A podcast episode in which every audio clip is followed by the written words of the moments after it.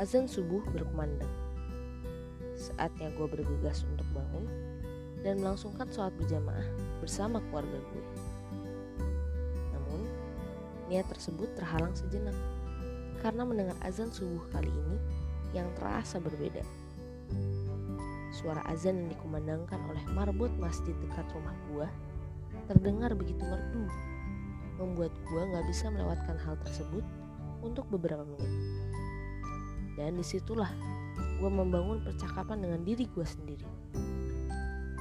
Ya, gue bilang sama diri gue, gue bersyukur bisa bangun pagi ini dengan perasaan yang nyaman, tentram. Gue juga bilang sama diri gue, gue bersyukur bisa mendengar suara azan pagi ini. Gue bersyukur bisa melaksanakan sholat subuh berjamaah dengan keluarga gue sehabis gue mendengar suara azan pagi ini. Gue bersyukur gue masih diberikan semua nikmat tersebut dan hidup sampai sejauh ini. Terima kasih ya Allah.